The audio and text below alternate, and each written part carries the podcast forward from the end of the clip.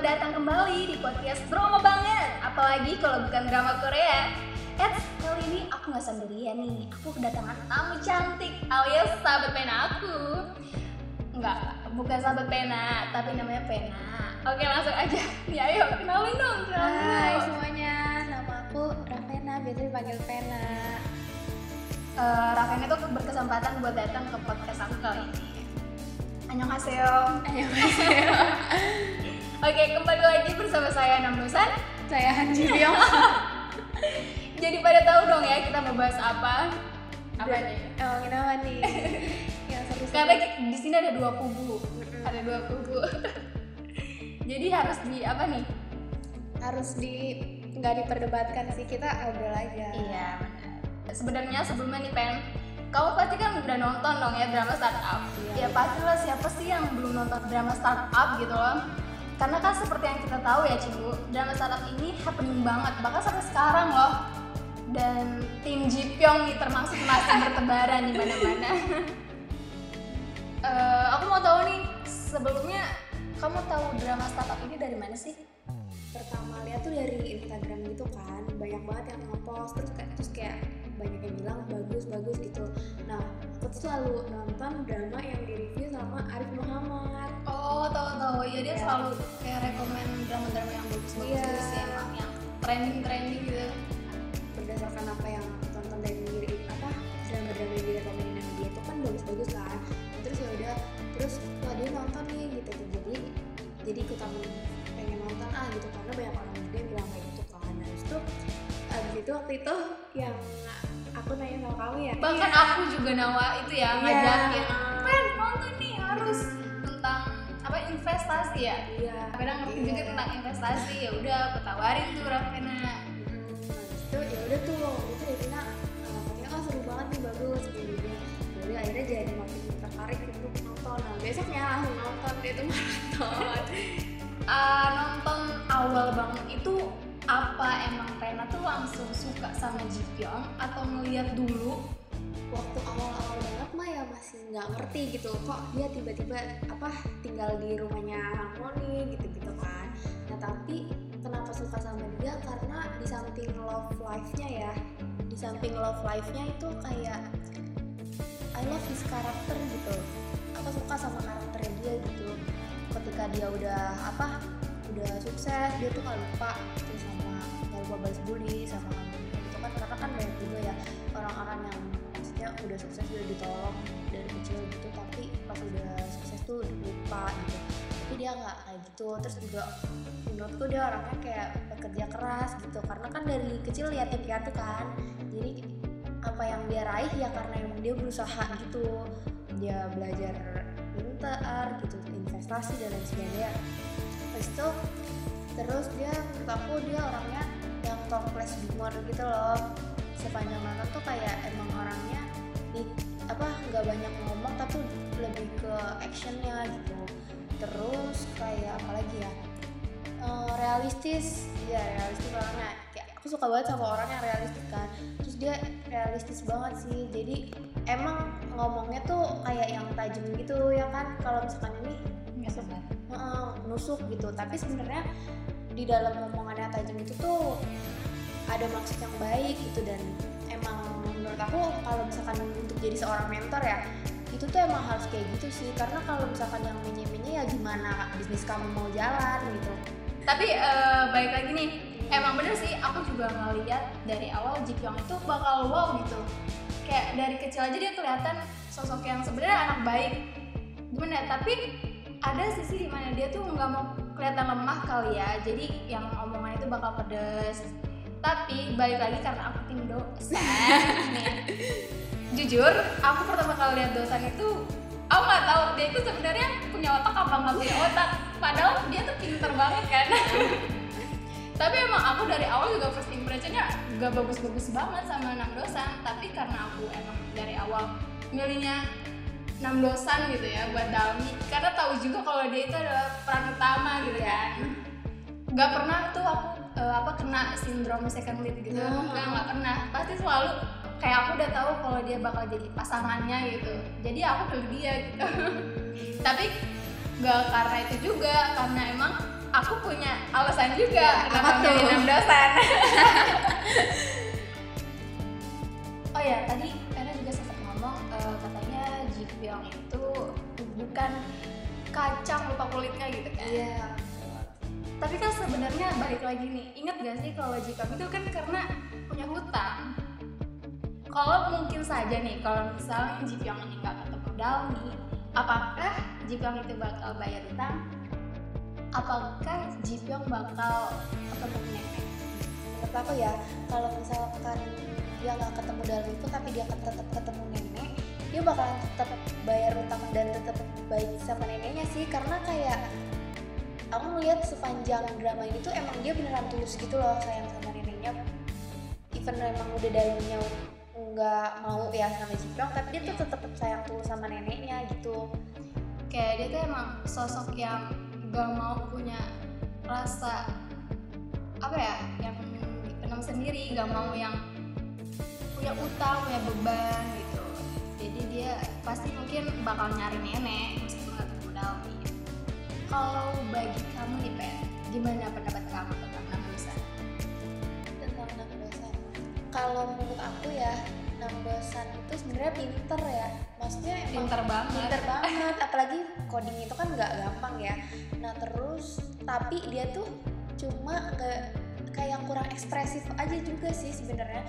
Dan menurut aku dia tuh kurang stabil gitu loh emosinya di awal-awal ya. Tapi di akhir-akhir dia udah cukup stabil gitu. Kelihatan di scene-nya bapaknya Inje ya? Ya yang bapak tiri Inje iya. Pak Pak siapa ya? Aduh, lupa. Ya ya itu aja ya. Heeh, sampai waktu di eh, panggung pas waktu presentasi dia matahin pulpen. Nah kalau menurut aku gimana ya dia belum stabil aja emosinya gitu. Karena ya emang masih muda juga sih tapi untuk yang di eh, episode-episode akhir dia udah lumayan bisa tuh ngontrol emosinya. Tapi mungkin bisa juga begini karena kan di sini enam dosan orang yang pendiam ya. Dia mungkin nggak bisa eh, mengontrol emosinya. Maksudnya dia mungkin mendem makanya dia cuma bisa matain pulpen. Matain pulpen itu yang karena dia gagal ya. Berbeda dengan Ji Pyong yang bisa mengontrol emosinya. Kalau enam dosan mungkin menyakiti dirinya atau menyakiti benda lain ya. Dia nggak mau menyakiti orang lain tapi nyimpen di dirinya aja gitu. Oh ya orang-orang juga bilang katanya enam dosan itu aji mumpung ya. Oh iya. Kalau nggak karena Ji Pyong nggak bakal ketemu Dalmi. Cuma hanya sekedar abang COD-an itu bola apa bola. Ya itu deh nggak tahu yang ada tanda tanya Iya. itu katanya aji mumpung. Justru enggak sih meskipun nggak karena Ji Pyong juga mungkin mereka bakal dipertemukan gitu kan karena bola itu. Kalau kata aku sih dia bakal bisa gitu sebenarnya mulai sendiri. Deketin Dauni tanpa Ji Pyong bahkan waktu itu Ji Pyong nyuruh buat berhenti aja kan. Tapi dosa malah mikir lagi kan kayaknya ini kesempatan dia. Dia bisa berlayar tanpa peta gitu kan maksudnya. Ya ya dia mulai itu tanpa arahan Ji Pyong duh aku tuh jatuh cinta banget. Pas pas dosan datang ke acara yang pakai hijab ganteng banget gak sih itu? Makanya itu langsung wow wow demi apa dia datang? Gitu. Datang dengan sendirinya gitu percaya diri. Karena kan Dalmi suka sama enam dosan juga karena karena dia di, diri dia gitu kan sometimes gue tuh ngerasa Dalmi tuh tahu gitu. Jadi di saat dia bohong Dalmi tuh ngerasa tuh bukan diri dosan makanya kan Dalmi tuh bakal suka sama dosan kalau dia jadi dirinya gitu. Dukung banget percintaan mereka ya karena mereka tuh sama-sama paham sama-sama tahu. Kenapa gak pilih Han Ji Pyong buat sama Dalmi? Karena dari awal kan Han Ji Pyong itu adalah sosok yang selalu ada buat nenek buat Dalmi juga pakai surat-surat itu. Partner sama kakaknya di acara sandbox oh iya Ya, ingat itu. ingat ingat ingat jadi tuh selalu ada Han Ji Pyong di antara mereka. Jadi aku ngerasa Han Ji Pyong itu adalah sosok keluarga aja gitu loh. Iya. karena aku ngerasa Ji Pyong cocoknya sebagai kakak buat Dalmi Ya bener sih, Eh, kalau awal-awal tuh ya waktu awal tuh aku emang kayak agak nggak rela gitu ya wak- waktu si Dalmi sama Dosa. Nah tapi makin lama makin ke episode-episode akhir tuh kayak ya udahlah kayak emang emang bukan jalannya gitu emang udah nggak bisa gitu. Kalau misalkan si Jipyong sama si Dalmi dan mau sama siapa pun yang penting bahagia sih. Tapi lucunya itu di Twitter di Instagram berantem nah itu lucu banget gak sih? Aku bener-bener bacain semua loh kan yang tim Jipyong ngejelekin dosan yang tim Nam dosan jelek ngejelekin Jipyong jujur di sini kayak mulutnya jahat-jahat banget. Tapi aku kadang ngerasa juga masuk akal gitu kenapa mereka milih Jipyong karena emang bener semua punya alasan masing-masing Iya, kan. by the way nih tahu gak jujur nih. Iya kenapa? Aku belum nonton loh episode 16 kenapa? Tapi sebenarnya episode 16 kayak ya gitu aja sih kayak sebenarnya kayak pelengkap aja nggak yang wah banget Ya kalau kan? ya Iya, karena aku juga udah lihat-lihat tweet gitu loh endingnya gimana. Bahkan ada foto shootnya itu ya nikah ya. Emang Iya. beneran nikah? iya Serius? serius Ada scene nikahnya gitu. ada ada Wow, sini happy ending ya Iya, pasti. Aku juga sempat ngeliat foto mereka berempat jalan. Itu kenapa? oh itu kayak mereka udah bener-bener udah punya uh, perusahaan yang apa tuh yang terakhir yang punyanya si Dalmi yang tentang kemudi otomatis. Oh, pokoknya nama bapaknya ya di situ Iya, ya tahu, dan aku lupa. Nah itu perusahaannya udah jadi gede gitu. Dan di sana mereka tuh kayak jalan berempat itu tuh kayak udah akhir sini aja sih kayak pelengkap aja bener-bener kayak ya udah ini loh gitu loh peran yang utamanya. Kalau aku sih nggak ada filosofi khusus sih. Btw ini drama ongoing yang pertama yang aku tonton oh, iya. Biasanya nggak pernah ongoing nggak ya. pernah kayak udah selesai ya tim selesai not ongoing ya padahal ya justru ongoing itu seru banget Iya, jujur ya. kayak greget jadi Heeh. gak sabar minggu depan kayak gimana ceritanya aduh jadi kayak nebak-nebak bahkan kalau punya partner buat cerita-cerita nih eh kayaknya ini bakal gini-gini deh nebak-nebaknya seru banget sofa sampai uh, aku sama temen aku juga berantem karena aku juga ada kan temen aku temen chat aku itu Heeh. beda tim Ah. dan itu berantem juga. Ya kata dia ya udah aku nggak mau dukung siapa siapa dah mau mau netral aja. Hmm. pernah aku pengen nyoba buat netral tapi nggak bisa Iya, kenapa kenapa? Coba kalau pengen alasannya. Karena aku udah cenderung ke Jipyong jadi kayak mau netral ya greget aja gitu. Karena kadang i- ada yang menurut aku tuh kayak nggak harus dilakuin gitu kan sebagai aku tim Jipyong ya. Tapi kamu sebagai tim dosen juga punya preferensi yang beda kan? Kayak gitu sih palingan aku dukung Ji Pyong itu buat urusan bisnis. Aku suka banget karakter dia di dalam dunia bisnis. Dan tapi kalau untuk enam dosa aku dukung dia dalam percintaan. Itu. Aku netral dong kalau kayak gitu. Iya iya Netral nggak netral sih? netral. Makanya kadang suka greget kalau ada orang yang masih milih Ji Pyong terus jangan milih Nadosan ya kenapa? Karena kan ini emang udah begitu ceritanya. Kayak ini drama akhir tahun yang menurut aku tuh the best banget sih. Pelajaran juga banyak karakter-karakter tuh berbeda-beda semua. Oh ya aku suka banget di sini Inje. Iya, dari Inje. awal aku suka banget sama Inje. Kenapa tuh? Sosok perempuan yang dia tahu apa yang dia mau. Bener banget dia tuh realistis juga kan. Tapi ada aja tuh yang bilang jahat sama adiknya gitu. Enggak justru itu sosok kakak yang seharusnya begitu nggak sih? Dia harus bijaksana. Tapi emang kadang dia terlihat jutek ya. Dan arogan sih. Arogan. Wajar gak sih sosok kakak yang kayak gitu?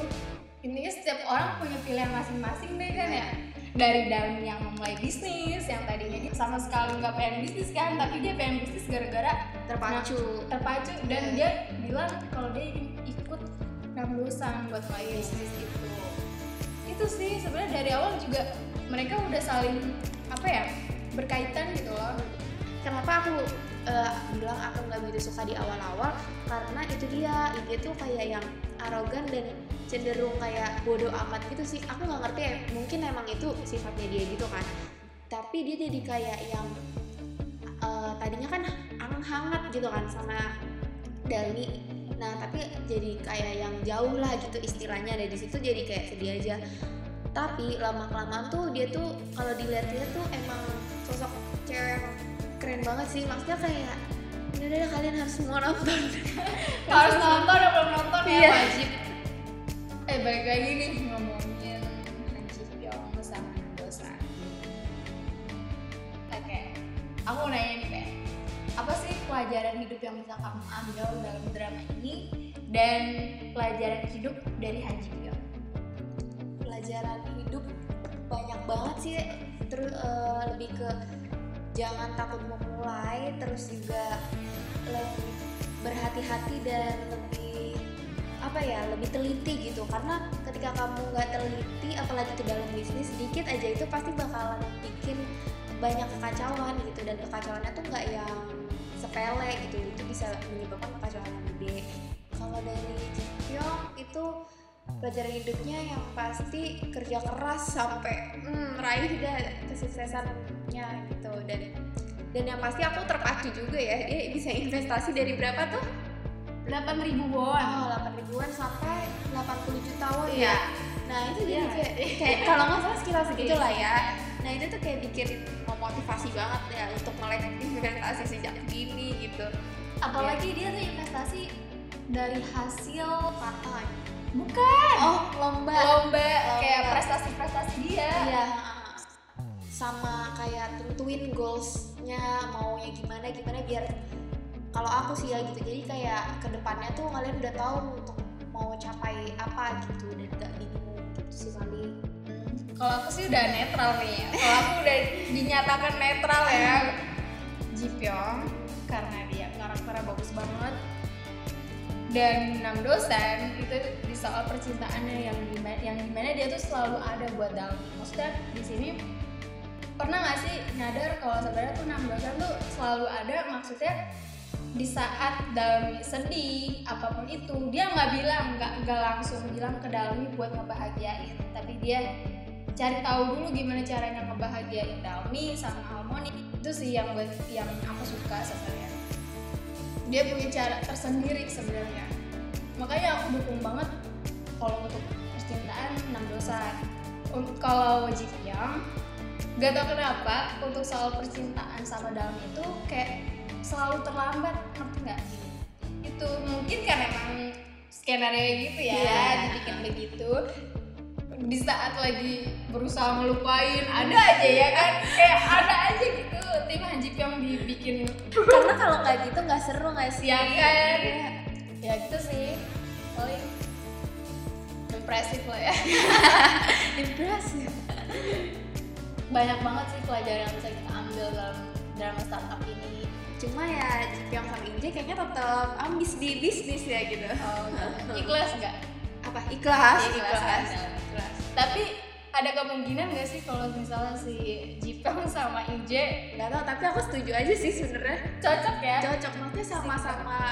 Iya, karakternya iya. sama-sama yang suka bisnis gitu. Bisa. Cuma lucu sih. Kalau bahkan aku juga sempat mikir bakal begitu kayak udah ada pasang-pasangan gitu tapi enggak Tapi kalau mereka berdua itu nanti anaknya yang kasihan tuh. Dari kecil udah dikasih afirmasi kata-kata menusuk. Nah itu tuh teman-teman. Kiranya segitulah ya yang kita bisa bahas tim Dosan tim Jipyong. Sebenarnya di sini punya kebahagiaannya masing-masing gitu. Jadi mereka juga punya pilihan masing-masing. Dalam punya pilihan menentukan dia pingin sama siapa. Jipyong juga punya pilihan dia bisa dia berhak bahagia juga Bahagianya Ji Pyong itu ketika dia melihat orang yang dicintai ini bahagia gitu Dan dengan mengikhlaskan, merelakan itu Iya. sih. Baik tuh. Ya jadi semua punya pilihan masing-masing. Jadi ini tuh drama yang menceritakan eh, perjalanan anak muda gitu yang bagaimana mereka mengejar cita-citanya. Ya sudah. Dari awal juga kan dalam sih mencari teman sejatinya maksudnya dari surat-surat itu Iya. sahabat surat itu. Ya di ending dapat pilihan 6 the real 6 kalau Ji Pyong dari awal juga dia mencari jati diri Iya, betul. ya dan kalau Inje dia mau terus berusaha se- dengan kemampuannya sendiri tanpa orang lain. Haruskan bisnisnya. Ya semua pasti Punya goalsnya dan tujuannya masing-masing iya gitu. benar. Berapa nih ratingnya buat drama ini Pep? Aduh berapa ya? 8,7 per 10 kamu berapa? 8 8 Top banget deh, favorit banget. Sebagai tim netral nih sekarang Dan Pena yang masih tim Jipyong gimana ya? Tetap sih. Tapi ya dosen juga keren gitu. Keren, cuma keren. aku cintanya sama Jipyong Karena apa nih? karena aku suka karakternya gitu. Mukanya wah luka banget Oke, mungkin segitu aja ya. Sampai jumpa lagi. Jangan lupa ini adalah drama, Drama banget.